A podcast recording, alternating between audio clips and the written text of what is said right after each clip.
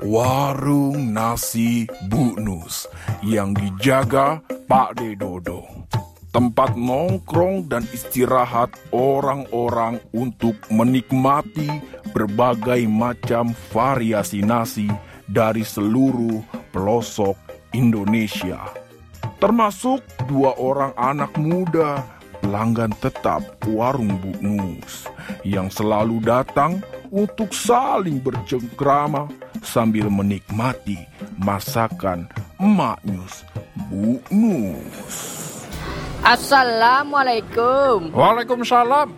Eh, Mas Uda. Nasi rendangnya Mas Uda. Pastilah Pak De.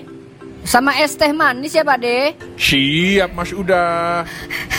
Aduh, kacau deh kacau. Eh eh eh eh eh. Onde mande. Aduh apa rupanya Wang Chan?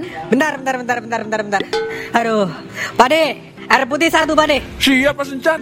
Seo. Kacau, kacau. Iki minum dulu Mas Encan. Ono apa toh? Siap. Thank you Pade. Kenapa lah Wang Chan? Cerita lah. Tar dulu apa dah? Napas dulu gua. Iyalah. Kenapa bisa kacau lah Iko? Pokoknya kacau deh kacau. Onde mande. Kenapa juga lah bisa begitu? Gua niatnya pengen minta maaf dah sama babenya cewek gue yang kemarin. Pan kemarin gue bikin kesel tuh.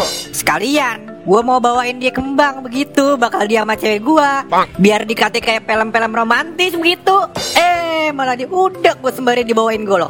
Lah gue kabur dah kemari. Pasti adanya yang tidak beres Wang buat Chan. Lah, bagaimana kagak beres dah? Gue beliin kembangnya yang paling bagus, sampai paling mahal. Jauh lagi gue belinya. Di kuburan umum Tanah Kusir. Ampe ame air kembang mawarnya gue beliin tiga biji. Eh, malah mau disetut gue pakai golok. Onde mande.